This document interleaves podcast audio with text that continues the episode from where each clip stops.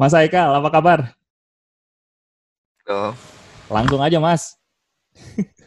langsung aja nih ya. Langsung aja kagak Grogi nggak pernah hadir di sebuah podcast. Eh, Halo, nama saya Kemal Andreas. Anda sedang mendengarkan Podcast, sebuah podcast yang di dalamnya akan menyampaikan opini tentang banyak hal. Saya juga akan mengundang pembicara lain yang akan membicarakan seputar isu sosial, hobi, makanan, hingga lelucon. Podcast ini dibuat secara gratis. Agar Anda tidak ketinggalan, silahkan subscribe channel Kemal Andreas di YouTube. Follow podcast di Spotify, Anchor, atau aplikasi pemutar podcast lainnya. Tapi gue pengen nanya kabar dulu nih, apa kabar, Mas? baik dong. Ya, Baik. cuman ya Ini kita ya suntuk nih work from home Work from home. Berarti udah berapa bulan lu, Mas?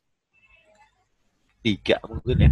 Tiga Kayaknya bulan ya? mulai dari Maret ya. Maret. Maret, April, Mei, Juni. Ya, 3-4 lah, 4 bulan, Mas. Iya. Sampai lupa ya tanggal, waktu, udah berapa Iya. lama. Heeh. Udah nggak jelas. Weekend tuh nggak kerasa lagi weekend ya. Yoi. Kayaknya tiap hari weekend, tapi nggak menyenangkan gitu. Ya kan, bener nggak sih? Kalau kalau nggak kalau hari biasa kan anjir weekend, eh gitu kita tunggu-tunggu. Kalau sekarang ah weekend gitu doang, gitu nggak nggak terlalu spesial gitu. Tahu nggak yang paling nyebelin dari work from home tuh ini? Apa? Em, lu nunda kerjaan di waktu seharusnya lu kerja Heeh. dan akhirnya lu bekerja di di waktu seharusnya lu istirahat. Ah, bener banget, bener banget. Jadi kacau gitu. Nggak tahu Secara- kalau gue sih pengalamannya gitu. Eh, eh, secara biologi, secara apa ya pengalaman apa ya pengalaman mental gitu ya berubah-ubah gitu. Jadi itu bikin capek. Bikin capek nggak sih work from home tuh? Uh, capek banget. Meeting-meeting online tuh capek. Ya kan?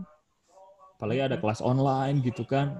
diundang jadi pembicara. Ini juga Ah. diundang jadi pembicara anjing tuh capek.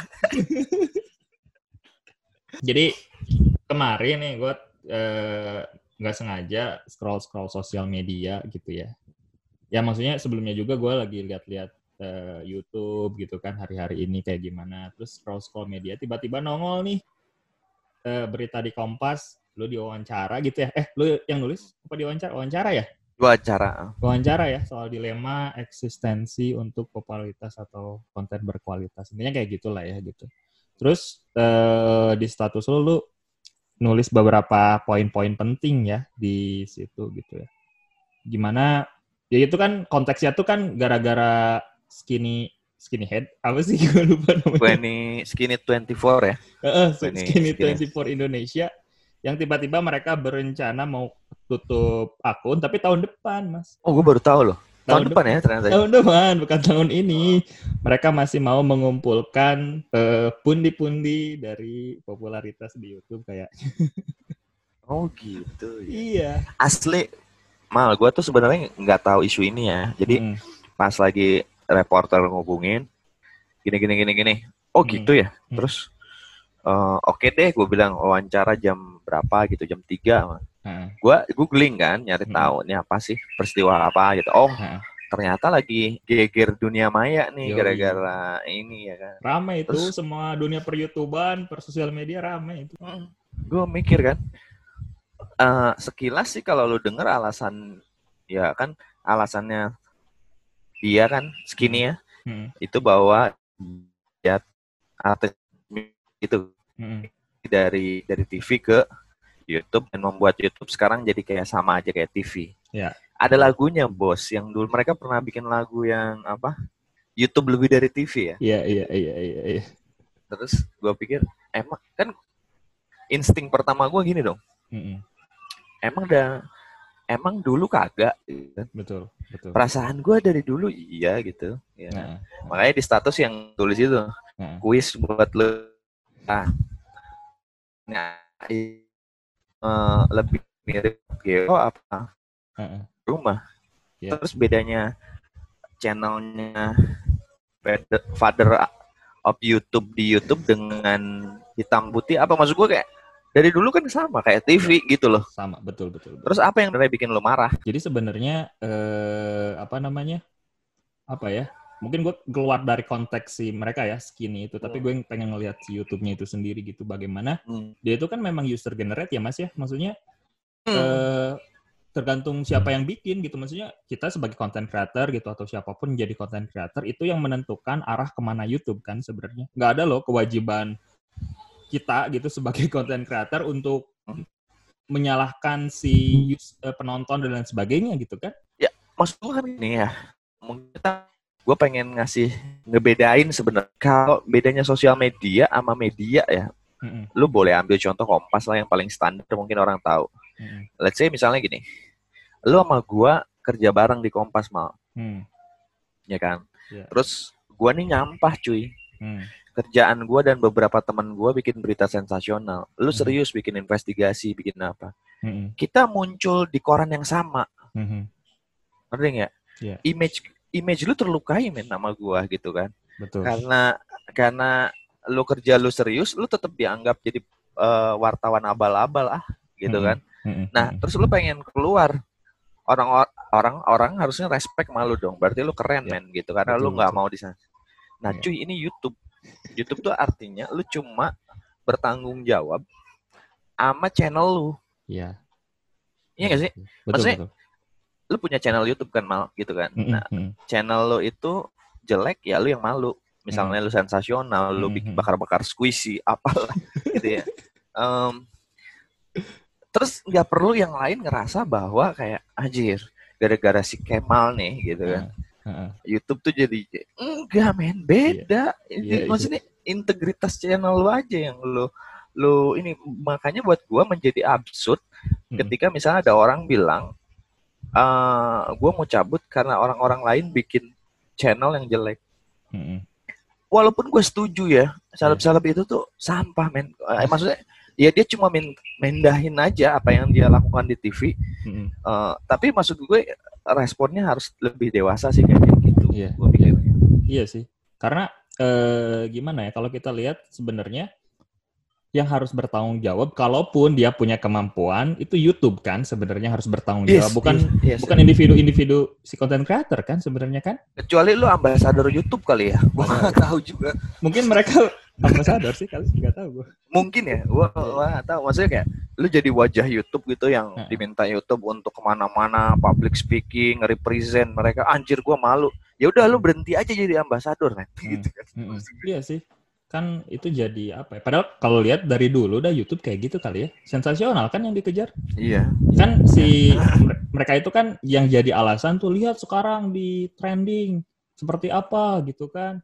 Padahal kalau gue tarik ke beberapa tahun yang lalu sama aja kok yang ada di YouTube tuh sensasional. Ada yang ikan cupang lah squishy lah gitu kan. Hmm. Hmm. gue nggak tahu mungkin kalau misalnya kalau kalau gue sepakat dengan yang lu tulis juga. Maksudnya kalau dia alasannya mundur dari YouTube gara-gara eh, males, oke ya udah males aja gitu, jangan bikin kisah Hmm. heroik gitu kan. iya Soalnya, ya kayak maksudnya gini Mhm, mhm. oh iya sorry, sorry. Iya, iya. lanjut dulu man ya soalnya gue lihat mereka tuh eh, kayak nunjukin Indonesia lah, apalah gitu kan, pokoknya kisah-kisah heroik gitu yang mereka tunjukin gitu. Padahal ya kalau lu capek ya udah beres aja gitu kan, gue selesai gitu, udah gitu. gue masuk gue gini kan kalau misalnya tadi kita ngomongin soal em, alasan gitu ya alasan kalau gue kan gini oke misalnya logika gue gue respect ketika mereka misalnya gini walaupun jujur gue nggak tahu konten-konten mereka sih nggak nonton Hmm. ininya mereka gitu Hmm. tapi misalnya gini di- kalau lu for em, for good content eh, konten yang kreatif yang original yang gitu gitu ya ya maksudnya Mhm, mhm. yang mampu melampaui eh, standar TV gitu. Kan aneh kalau solusi lu berhenti. Hmm, yap. Lu bikin aja terus, lu kritik channel-channel sampah itu. Ya, ya, Termasuk lu kritik YouTube-nya maksud gua. Mhm, mhm. Kan selama ini kan mereka mempersoalkan misalnya gini, yang tadi lu bilang soal trending itu. i- Mhm. Jadi gini, gua baca lagi argumen mereka kan. Mhm. Argumennya gini, dulu tuh sebelum ada AdSense, sebelum ada AdSense tuh kayak berapa tahun yang lalu men gitu kayak 8 atau 9 tahun yang lalu. Mhm, mhm. Jadi iklannya itu kan langsung ke channel lu. Ya, Ah, Iya, iya. kan kalau sekarang kan di, di, di ini nama Google kan, ya, Di- diatur. ditampung sama Google Mm-mm. terus didistribusikan Ya. berdasarkan itu kan. Nah, itu katanya dulu lebih asik, kalau sekarang udah enggak. Cuy, itu tuh lu juga udah nikmatin AdSense lama gitu maksud gua. Iya gak sih? Iya, mau 10 tahun. Dan misalnya. nggak per iya, lu nggak nggak nggak protes juga dalam periode itu gitu loh maksud gue. Dan benar kata lo trending dari dulu ya emang gitu. Bahkan tau nggak lo trending trending banyak banget ya ini penggalan sinetron yang jadi trending di YouTube. Nah, iya iya iya iya iya benar benar. Misalnya benar, episode keberapa gitu ya sinetron apa. benar. Hmm, hmm. Gue inget banget dulu gue riset tentang anak jalanan kan mal. Oke. Itu pernah jadi trending men. Oh iya. Episode berapa ketika si apa Heeh. eh, putus sama siapa Hmm, hmm. itu tuh ada di trending nomor satu. Iya iya iya iya. Itu bahkan bukan konten, itu cuma ngambil dari TV lu taruh di situ. Hmm, hmm, hmm, hmm. Bukan maksud gue bikin konten gitu ya. Itu Mhm. itu tuh itu juga bisa trending men. Iya sih. Tergantung waktu itu kan hype banget anak jalan pernah hype banget Iya gitu. iya. Iya iya. So maksud gue kalau emang lu ini ba- ini banget sama konten keren, Hmm, ya bikin. Iya. Terus Gitu. bikin lah ya terus, gitu. terus bikin lah. Heeh, heeh. Ngapain lu peduli itu? Pedulinya kalau lu care ya lu kritik gitu loh maksud gue kayak Heeh. Si ini kontennya gini-gini nggak apa-apa kan kan sosial media tempat kita Betul. bisa uh, freedom of speech gitu-gitu kan Iya, iya, iya. Nah, mungkin banyak orang juga loh, Mas, yang nggak ngerti soal apa sih sosial media gitu. Apa posisi kita sebagai content creator atau apa ya, pengguna lah ya, pengguna sosial media di situ gitu. Banyak orang yang nggak Hmm. bisa bedain sosial media sama media mungkin gitu. Mungkin Mas Haikal Oh, iya. bisa ngasih ini, ngasih apa ya, eh, insight lah ya gitu. Apa sih bedanya YouTube sebagai sosial media dengan media-media yang memang eh, apa ya, mainstream gitu-gitu. oh gini kalau media secara umum itu kan sebenarnya institusi yang apa ya gue nyebutnya Em, gini nih gampangnya kita ambil dari ciri-ciri kalau media itu pasti institusi bisnis itu Hmm. satu Hmm. uh, most likely lah Kak. karena ada juga sih media komunitas dan sebagainya. Nah, tapi yang paling penting itu uh, dia itu subjek regulasi yang ketat. Ambil aja misalnya TV. Mhm. Di TV itu ada KPI, ada Kominfo, ada macam-macam gitu ya. Um, banyak banget aspek yang diregulasi dari TV karena sebenarnya TV itu uh, bersiaran menggunakan frekuensi. Frekuensi itu uh, ini sih apa namanya? Kayak kalau lu masih inget PPKN dulu ada pasal 33 tuh Ah, kan bilang tanah air dan udara dikuasai oleh negara, negara, yang digunakan untuk rakyat. Nah, Iya. Ini PPKN banget sih sebenarnya. Nah, frekuensi itu gelombang elektromagnetik yang ada di udara. Jadi Hmm. gampangannya gini lah kayak misalnya kita berdua mal Hmm. punya sebuah alat untuk eh, siaran TV gitu ya. Hmm, hmm, hmm. Kalau kita nggak dapat izin dari Kominfo, kita Hmm. nggak mungkin bisa bersiaran walaupun udah punya gedung 100 orang pegawai, Hmm, alat transmisi udah siap karena hmm. dia, kita harus izin lewat itu. Nah, Iya. izin itu menandakan bahwa TV itu eh, menggunakan ranah publik sih, Hmm. menggunakan. Nah, karena itu dia diregulasi diregulasi sangat ketat. Hmm. Sosial media Hmm, itu tuh ide dasarnya kan sebenarnya sosial ya, nggak bisnis Ya. juga sih sebenarnya. Tapi Hmm. memang kemudian jadi Jadi di, di- bisa dimonetize, bisa di macam ya. Hmm. Means itu tuh artinya bukan institusi ya orang per orang kita bisa create eh, macam-macam. Hmm. Tetap Hmm. ada subjek regulasinya. Misalnya kayak lu tahu ada UITE lah ya, tapi nggak akan seketat TV gitu. Iya, iya, iya. ya yang penting lu nggak defamasi, lu nggak hate speech, Hmm. lu nggak kalau TV itu bukan cuman itu kekerasan, Hmm. ada banyak banget aspeknya gitu kan, nggak boleh melecehkan Hmm. eh, sara, nggak Hmm. boleh macem-macem gitu-gitu. Detil banget lah. Kalau di sosial media memang lebih lebih longgar, walaupun bukan berarti nggak ada regulasi. gitu. Regulasi. Dan YouTube itu bagian dari sosial media sebenarnya, bukan media kan? Iya. Iya. Ya kan? Makanya kan mereka nyebut aturan main mereka community guideline. Mereka tuh kan Ah, community nyebutnya. Iya, iya. Jadi balik lagi sebenarnya core-nya tuh ada di community gitu kan, di komunitas, ya kan? Bukan pada satu individu atau satu entitas besar gitu kan. Hmm. Nah, ini menarik sekali sih. Banyak ya itu mungkin banyak orang yang kemudian berpikirnya tuh adalah, eh, secara logika tuh salah gitu ya melihat bahwa YouTube ini sebagai media yang punya tanggung jawab besar as YouTube secara keseluruhan gitu ya. Padahal kan itu individu-individu yang kemudian bergabung gitu. Kemudian eh, masing-masing punya tanggung jawab masing-masing gitu ya. Yang tadinya yang gua ya bertanggung jawab sama punya gua gitu kan misalnya Yes, gitu yang yes. mereka. Tapi ada yang kayak gini loh mas. Ada orang yang berpikir gua mah misalnya gitu ya di kan banyak tuh yang apa stand up comedian gitu ya, yang punya akun di YouTube gitu ya. Gua mah ada pelawak tugas gua bukan mencerdaskan bangsa makanya kontennya sembarangan. Nah itu menurut lu kayak gimana? Sedangkan dia punya fungsi sebagai public figure yang dia tuh punya masa gitu punya subscriber yang banyak ditonton banyak orang gitu Iya. itu kayak Ini kan sama dengan dengan gue pernah di sosmed ditanya orang Mm-mm. dan agak jerk juga sih. Mm-mm. Apa sih standar eh, konten mendidik? Nah, seperti sebenarnya gini. Pertama kita harus klarifikasi dulu gini, Mal. Hmm. Gak ada kewajiban buat lu mendidik sebenarnya di sosmed. Oke, gitu dulu. Oke. Kalau TV harus sih gitu. Oke, Karena oke. tadi ranah publik kan. Ya. Artinya sebenarnya gini. Lu nggak boleh ya banyak kita tahu banyak konten-konten nggak jelas lah di sosmed ya. Ya, Hmm. misalnya di YouTube lah kita fokusin Ya. di situ. Hmm. Ya lo tahu squishy, cupang, apa juga ada di situ. Nah, maksud gue gini. Itu konten jelek, konten nggak penting, tapi nggak ada salahnya. Ngerti nggak maksud gue? Nggak ada salahnya tuh, Gimana? Nggak ada salahnya tuh artinya nggak ada salahnya tuh dia bukan defamasi, Hmm. dia bukan uh, hate speech, Hmm. Dia bukan ujaran kebencian. Lu nggak Iya, iya. bisa kayak gua nggak mau ada konten-konten kayak gitu, ngerti nggak Hmm. maksud gue? Iya, iya, iya, iya, iya, benar, benar, benar, benar. Nggak bisa karena ketika lu misalnya mau ngelarang itu sama dengan lu juga melanggar HAM. Nah, Clearin dulu kita di situ. Oke. Ah, Nah, ah. tapi boleh nggak kita aspire atau pengen punya konten yang ya boleh. hmm. Nah, sa- dalam dalam logika uh, freedom of speech gitu ya. Mm-mm. Yang kayak gitu tuh harusnya dikritik, Hmm, hmm. bukan dilarang, ditunjuk. Terus lu bikin literasi ke Ah, penonton supaya penonton tuh ngerti bahwa cuy itu tuh sampah. Iya. Tapi nggak semua sampah tuh harus dipenjara gitu maksud gue Hmm. nggak harus semua sampah tuh dimasalahin dalam konteks hukum pidana gitu kan. Hmm. Nah itu tuh poinnya di situ buat gua ya gitu. Hmm. Nah ketika misalnya ada tadi stand up comedian, ngapain gua harus mendidik? Ya emang nggak apa-apa sih. Ya. Ya nggak apa-apa juga gitu. Hmm. Tapi kalau lo juga expect kita nih expect dia punya sesuatu, ya nggak apa-apa. Gua kritik dia. Iya, iya, iya, iya, Ngerti nggak maksud gue? iya, iya.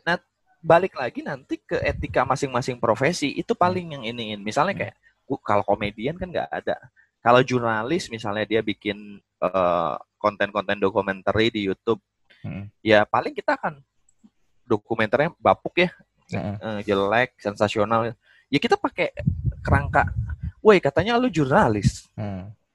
meskipun lu bukan di media lu mana etika lu jurnalis Iya. tuh nggak berhenti ketika lu eh, keluar dari kantor Betul. jurnalis itu sebenarnya harus nginspirasi lu 24 jam. Hmm, Misalnya hmm, gitu loh.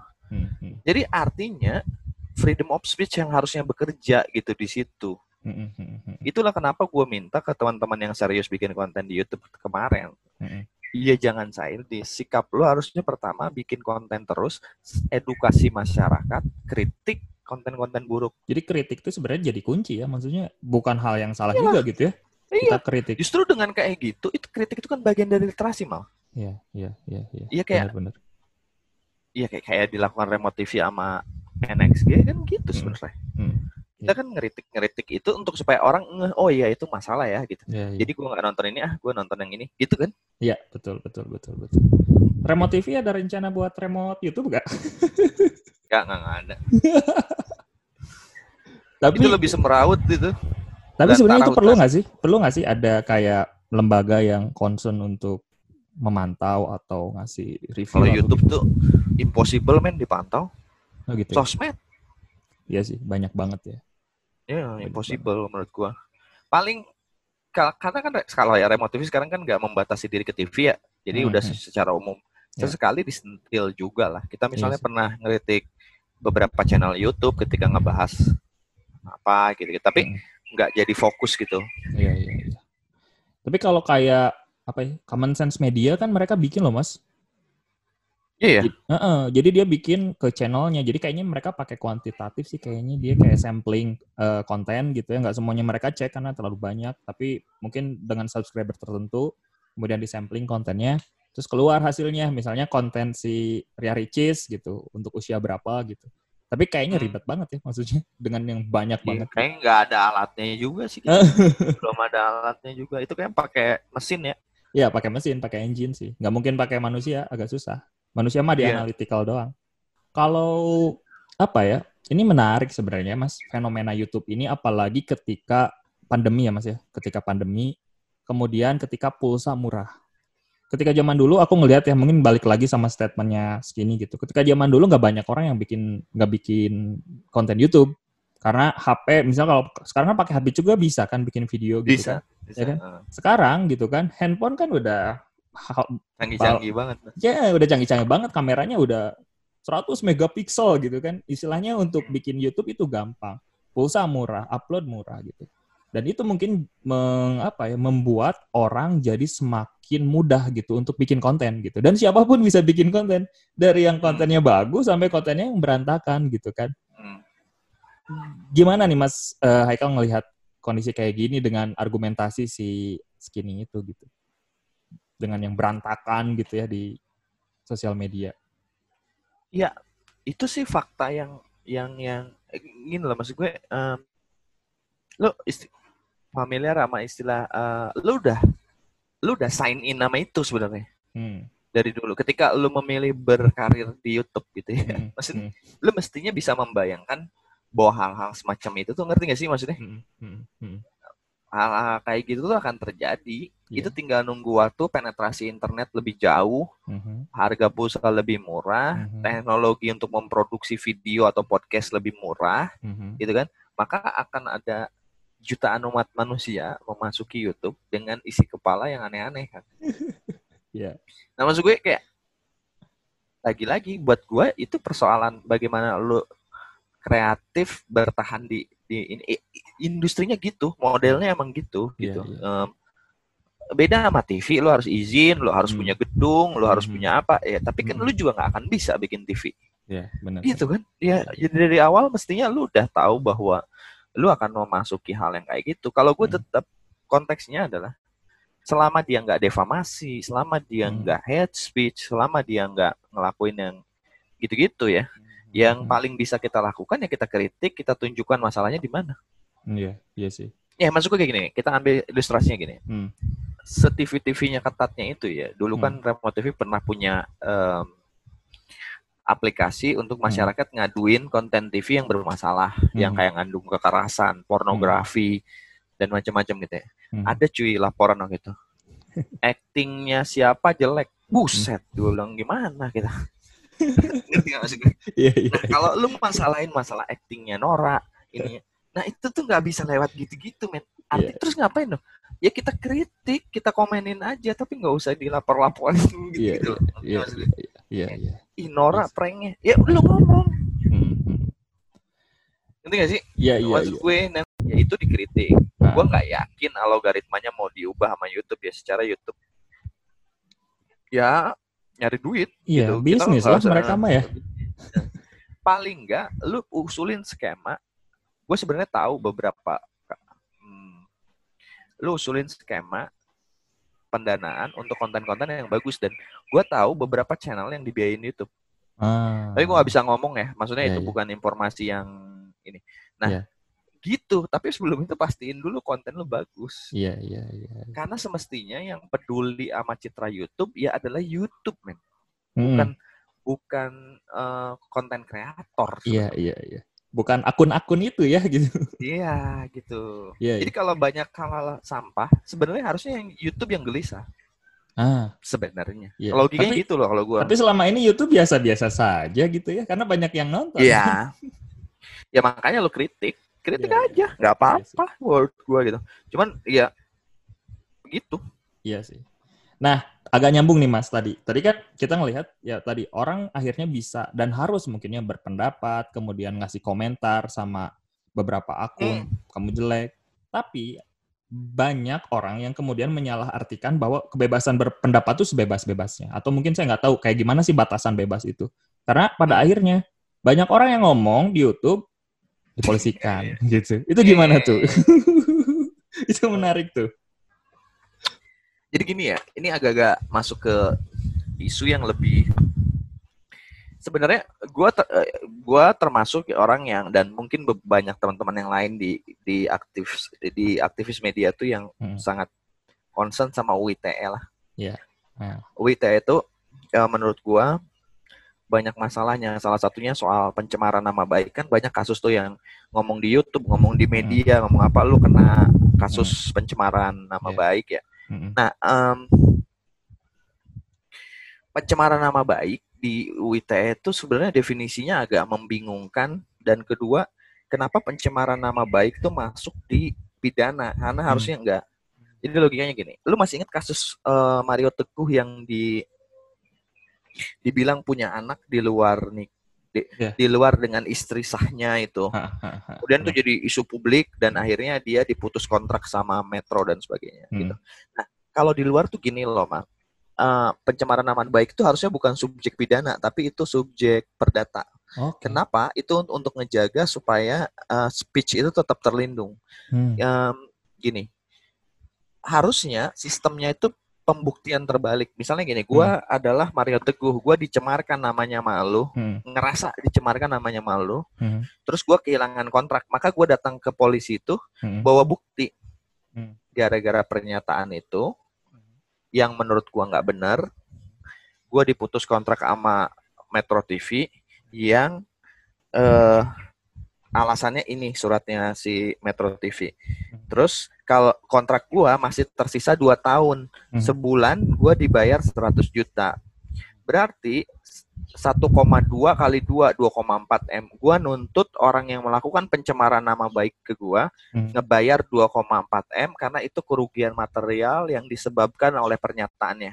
Ngerti nggak? Iya, iya. iya. Nah, Kalau ini enggak men, gue misalnya sorry bilang kalau ya, mal anjir lu nggak ganteng loh, lu tiba-tiba ini anjing lapor polisi, Lah, orang- gue di penjara. Lah aneh. Ya, maksud gue, Iya. harusnya hukum hukum positif itu nanya kerugian materialnya apa? Emang kalau gue bilang lu jelek apa kerugian material? Iya. Misalnya realita gitu ya, ya nggak apa-apa gitu. Iya walaupun enggak, enggak. Jadi atau lu bilang gua gitu misalnya, Heeh. Kal, lu mah lain lah nggak ganteng, lu nggak bisa main FTV, terus gua Heeh. marah gitu kan. Gua laporin lu ke itu nggak make sense man gitu. Iya. Jadi sebenarnya hinaan tuh nggak masuk pencemaran nama baik, Oke. kecuali dia jadi gini loh, idenya dalam demokrasi itu jangan semua masalah speech diselesaikan oleh hukum. Mm-mm. Harusnya masyarakat yang dewasa itu bisa menyelesaikan masalah-masalah speech, masalah-masalah kayak hinaan, kayak apa. Itu tuh udah yuk kita guyub yuk gimana Yuk nih ngobrol caranya gitu. Nah, gitu. Kecuali kayak tadi defamasi itu kan. Hmm. Nah, masalahnya di UITE itu nggak clear mal. Ah. Defamasi itu apa? Nggak ada Hmm. nggak ada ukurannya sehingga lu putus sama siapa terus gua gosipin lu bikin alasan yang enggak ada apa yang nggak nyambung sama kenyataannya lu laporin gua ke polisi Mm-mm. ya enggak itu tuh orang brengsek tapi enggak semua orang brengsek harus lu penjara Iya, iya, iya. iya. Bener, bener. terus kalau kalau semua orang yang bikin lu sakit hati harus dipenjara penjara akan penuh sama mantan? Iya, jadi sebenarnya bukan sakit hati pembuktiannya harus material nah Oh, yang terjadi adalah kayak gitu sehingga ini jadi PR memang ekosistem freedom of speech kita jadi jadi jadi ngeri lah Ini menarik juga sih. Maksudnya eh, tidak hanya masyarakat yang nggak tahu soal ini, mungkin penegak hukum juga nggak tahu ya soal ini. Sehingga apalagi yang di daerah gitu kan, tiba-tiba yang ingat gak sih yang eh, yang kemarin kasus paling baru yang paling hangat yang tiga orang apa ada tiga hanya tiga polisi yang jujur katanya yang itu loh Oh, iya, iya, Gus iya. Dur leluconnya Gus Dur John Gus Dur tapi kan dia di ini kan di di, di ya Iya. meskipun nggak di penjara katanya cuman dimintai keterangan gitu tapi kan kondisinya kayak gitu Nah, ini juga aneh sebenarnya. Anehnya gini.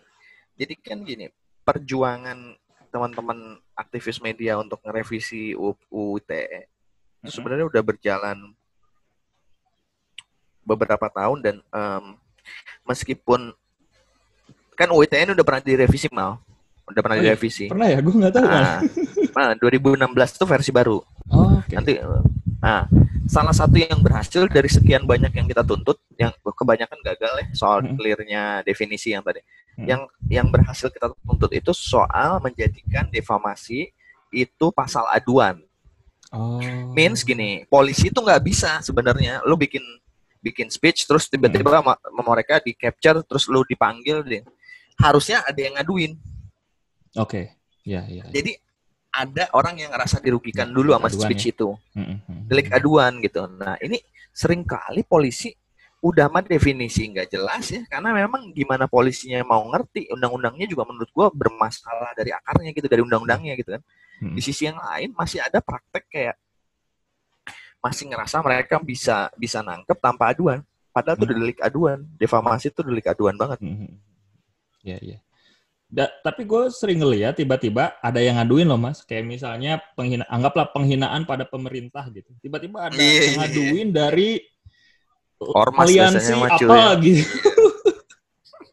ya om- ormasnya ormas pemerintah juga itu kode-kode kode kuat ya kan Iya iya iya iya. Dan Dan itu sering terjadi kayak Hmm, hmm, hmm, hmm.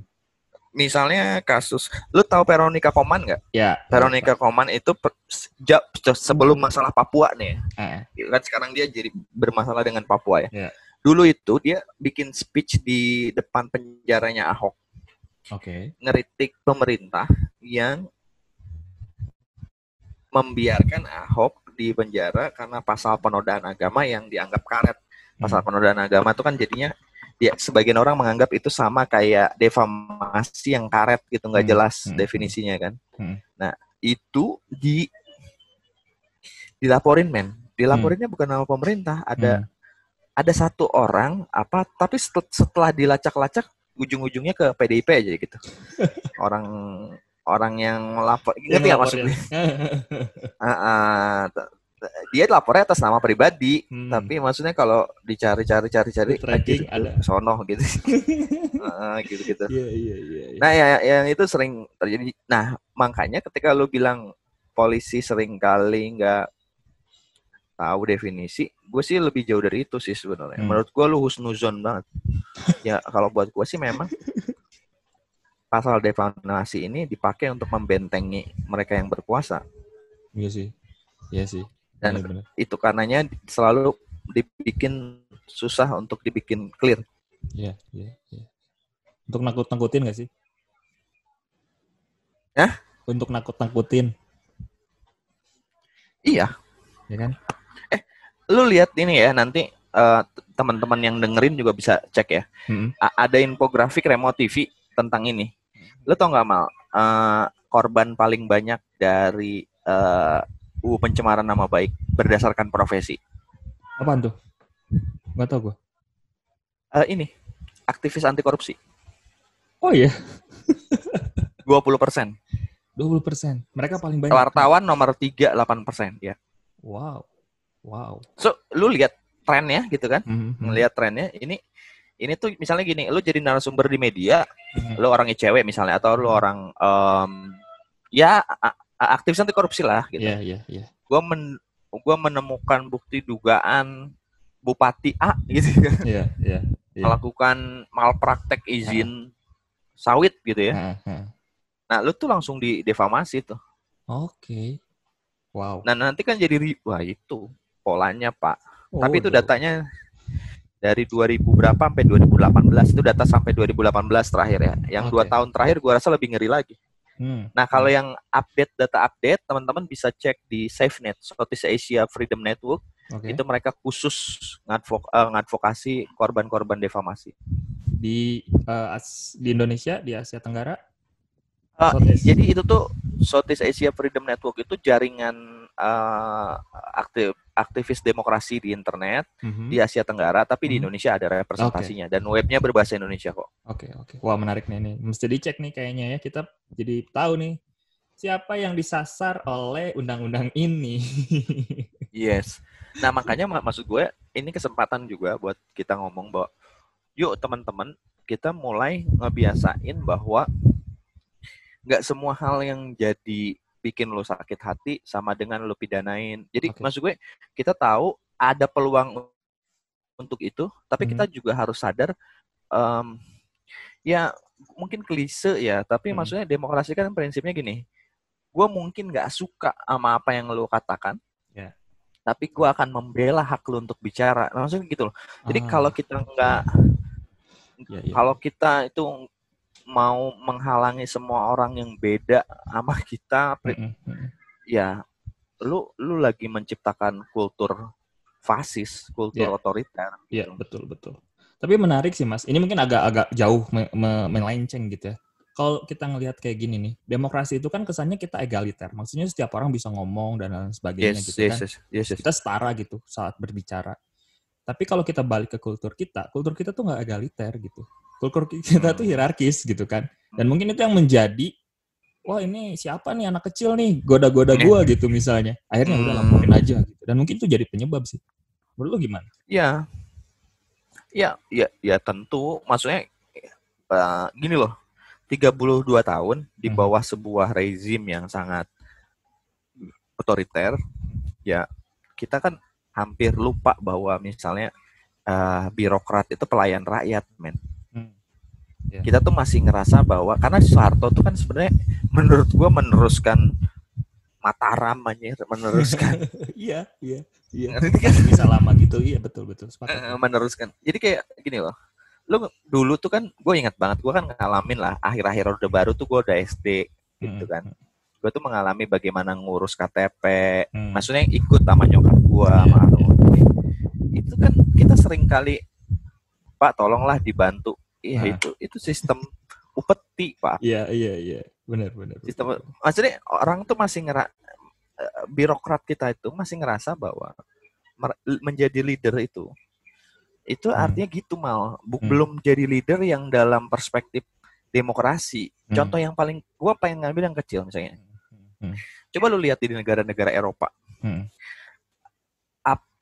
kondisi apa yang membolehkan lampu merah tuh diterobos Hmm.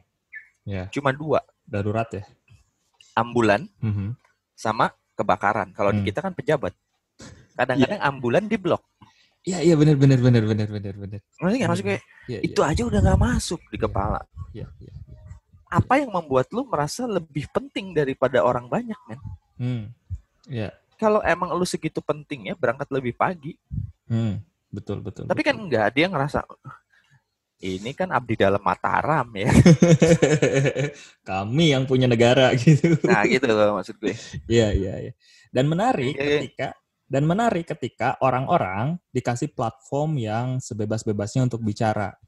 Ya kan? Di satu sisi Hmm. kita ditahan untuk ngomong, tapi di satu tem- di tempat lain kita bisa ngomong, misalnya di sosial media gitu. Hmm. Akhirnya kita menemukan paradoks yang luar biasa gitu kan. Eh, orang bisa ngomong sembarangan gitu, tapi di satu sisi dilarang gitu. Itu Nah, wah, luar biasa. ini jadi gini. jadi gini maksud gua. Si ada gejala yang gua gua gua nggak bisa simpulkan ini sebagai sebuah ini. Eh, Maksudnya kalaupun analisis prematur lah, Ya, apa- ya. analisis awal ya. Hipotesa lah ya. Hipotesa, gue ngerasa ada emang ada semangat untuk menaklukkan sosial media. Hmm. Ada ada keinginan misalnya untuk membuat sosial media itu bisa dikendalikan, di Hmm. mana itu menurut gue bodoh sebenarnya. Oke. Karena nature-nya sosial media tuh nggak nggak nggak bisa sebenarnya. Hmm. Ya mungkin lu bisa lu suppress ya, bisa lu suppress dengan eh, regulasi, bisa apa. Tapi men terlalu gede sosial media tuh lautan dan ya tapi kayak gini loh, kayak gua ngerasa ada mimpi menuju ke Cina kita tuh. Iya walaupun iya. ini tenaganya nggak nyampe ya, Iya, maksudnya iya. nafsunya ke sana, Heeh, tapi eh, tools eh, nggak nyampe, alatnya nggak nyampe gitu. Alat pengetahuan. Tapi kayaknya kalau dikasih, uh ini udah becek banget, udah horny banget. iya sih. Meskipun problematis ya, Cina juga sebenarnya problematis kan kalau kita lihat. Dan Cina pun tetap kan akhirnya jadinya internet eh, dark web kan yang jalan kan. Iya, dark web. banyak pakai ya walaupun Cina tuh kan gila dia tuh single gateway men internetnya Iya. jadi iya, nggak terhubung sama dunia Iya, iya, iya.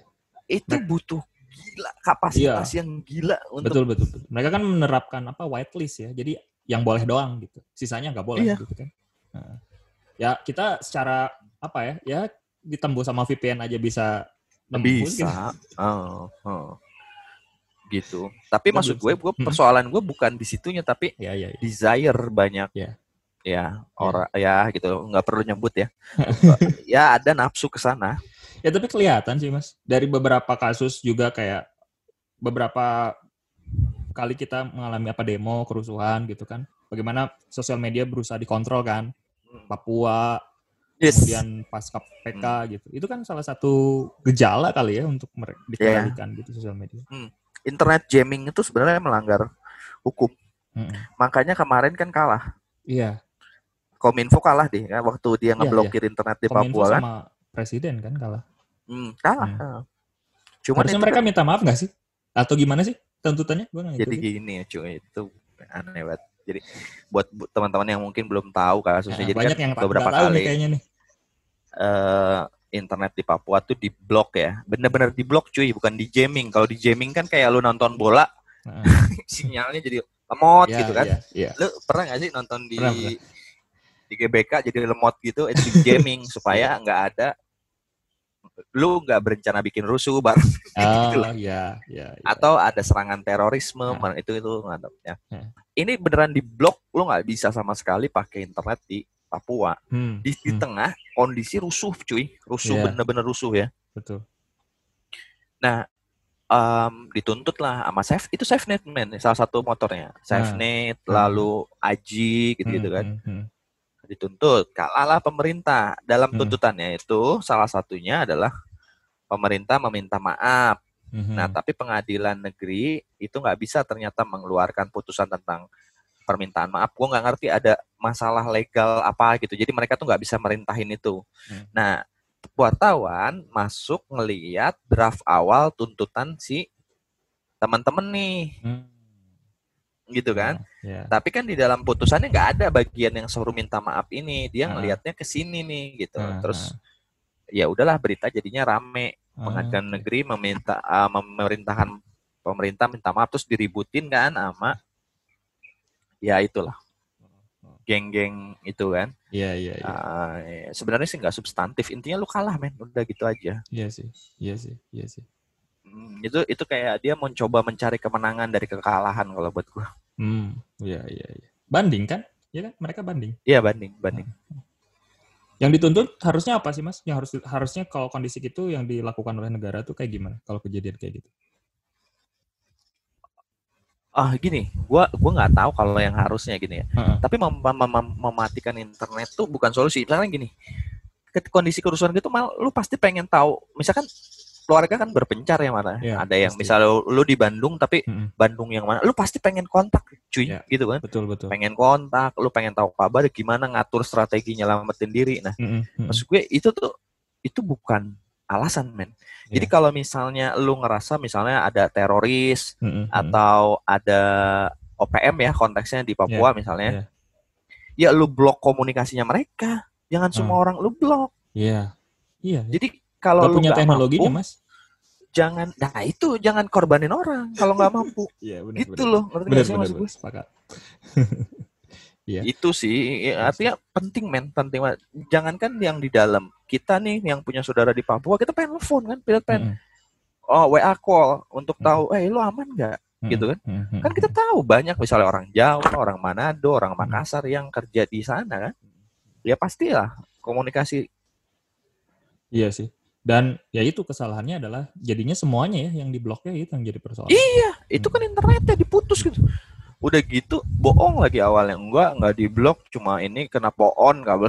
Nah, anjir itu beneran anjir orang lihatnya nah, pohon anjir serius gitu. ya sih. Gila. Ya akal-akalan lah ya. Mm-mm. Eh, Itulah. tapi eh apa ya maksudnya ya, hari ini kita berhadapan dengan sesuatu yang saling tarik ulur ya di satu sisi Iya.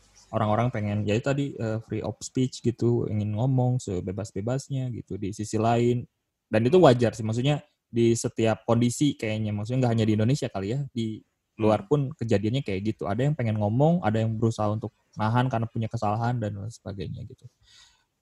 Banyak tah dalam kondisi itu kan banyak orang yang akhirnya tidak bisa ngambil keputusan loh mas. Maksudnya eh, ada orang-orang yang percaya bahwa ya kita harus fasis kayaknya diatur kayak zaman Soeharto gitu. Ah iya. Balik lagi sama zaman apa sih kata-kata Soeharto itu? Iya, iya Kangen enak zaman zamanku kuto ya. gitu. gitu. Ah. Itu gimana tuh? Ya, gue gak bingung ya. Gue maksudnya kayak, gue tuh suka bingung sama orang yang kayak gitu tuh. Dia tuh beneran tahu nggak zaman Soeharto kayak gimana sebenarnya, ya kan? Iya, Ya kayak maksudnya, cuy, orang tuh beneran hilang. gitu.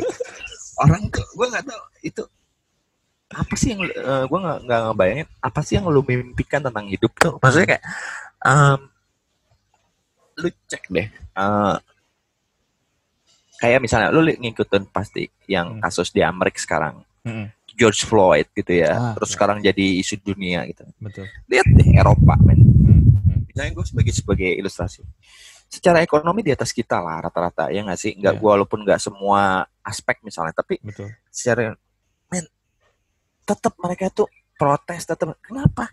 Karena Mhm, freedom itu mhm. itu desire yang yang yang yang inherent di lu. Jadi maksud gue gini mau lu sekaya apa pun mau lu sebahagia apa karena sering kali orbaisnya argumennya kan sejahtera ya Iya, ngerti nggak maksud gue? Iya, iya. argumennya tuh sejahtera walaupun ya gitulah. Iya. Em, j- kalau lu disupres Hmm, mau dicekek gitu ya eh, udara lu untuk bicara gitu nggak ada orang yang happy men. Iya. Betul. Betul, betul. gue bingung ngejelasin ya maksudnya kayak ya gue sih kalau sama orang kayak gitu lu baca sejarah lah gitu. Baca lagi lu cek lagi gitu. Gue gua gue bingung sih mau ingin gitu ya. Iya sih. Gue cuma bisa kasih ilustrasi kayak gitu lihat deh orang-orang yang udah secara ekonomi lebih ini secara bahkan freedom mereka jauh dari atas di atas kita Iya. menurut gue Betul, Tapi- betul. iya ketika udara lu untuk bebas tuh dicekik orang Hmm. tuh emang nggak nggak nggak ini gitu Mhm. ambil contoh misalnya argumen yang lain tim-tim misalnya dulu kan atau ya tim-tim atau Papua lah ya gitu ya. Mhm. Orang Indonesia kan paling demen wah dulu tim-tim nih udah nggak tahu terima kasih gitu kan Mhm. udah Iya. dibangun udah di Papua juga gitu udah dibangun ini kayak gini loh man emang kayak orang minta ke lu permen lu Ah, kasih nasi Iya. Nggak butuh lah ya.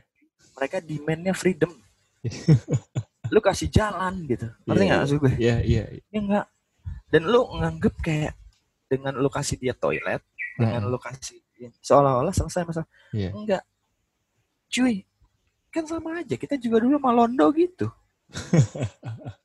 Iya benar. benar, iya maksud gue kayak ya gitu sih Iya. Sebenarnya ya akhirnya eh, apa ya?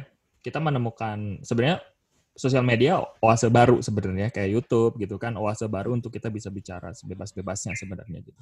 Meskipun tadi ada undang-undang ITE atau hal lain yang tadi kata Mas Haikal ngomong entah negara atau siapa gitu yang berusaha mengontrol itu juga gitu. Ya kan? ya gue sih gue sih ngelihatnya sih elit aja lah Elit lah ya. aja ya, Heeh, gitu Gua susah juga habis ini bukan person to person gitu man Iya, iya, iya betul. Sistemik sih sebenarnya ya. iya iya iya Oke. Eh, sebelum kita ngobrol ke yang ke mana-mana gitu mas, kayaknya kita sudahin dulu sementara. Iya. ya ini udah mulai ngablu ya Iya, udah mulai ngablu. Takutnya kita ngerembet ke yang lain-lain bahaya. iya iya bahaya Mas Haikal, terima kasih atas waktunya. Jangan kapok, nanti kita diskusi lagi. Ya kan? Selama kita Siap. masih work from home. Hmm. terima kasih teman-teman. Oke. Saya Kamal Andreas. Saya pamit. Assalamualaikum warahmatullahi wabarakatuh. Waalaikumsalam warahmatullahi wabarakatuh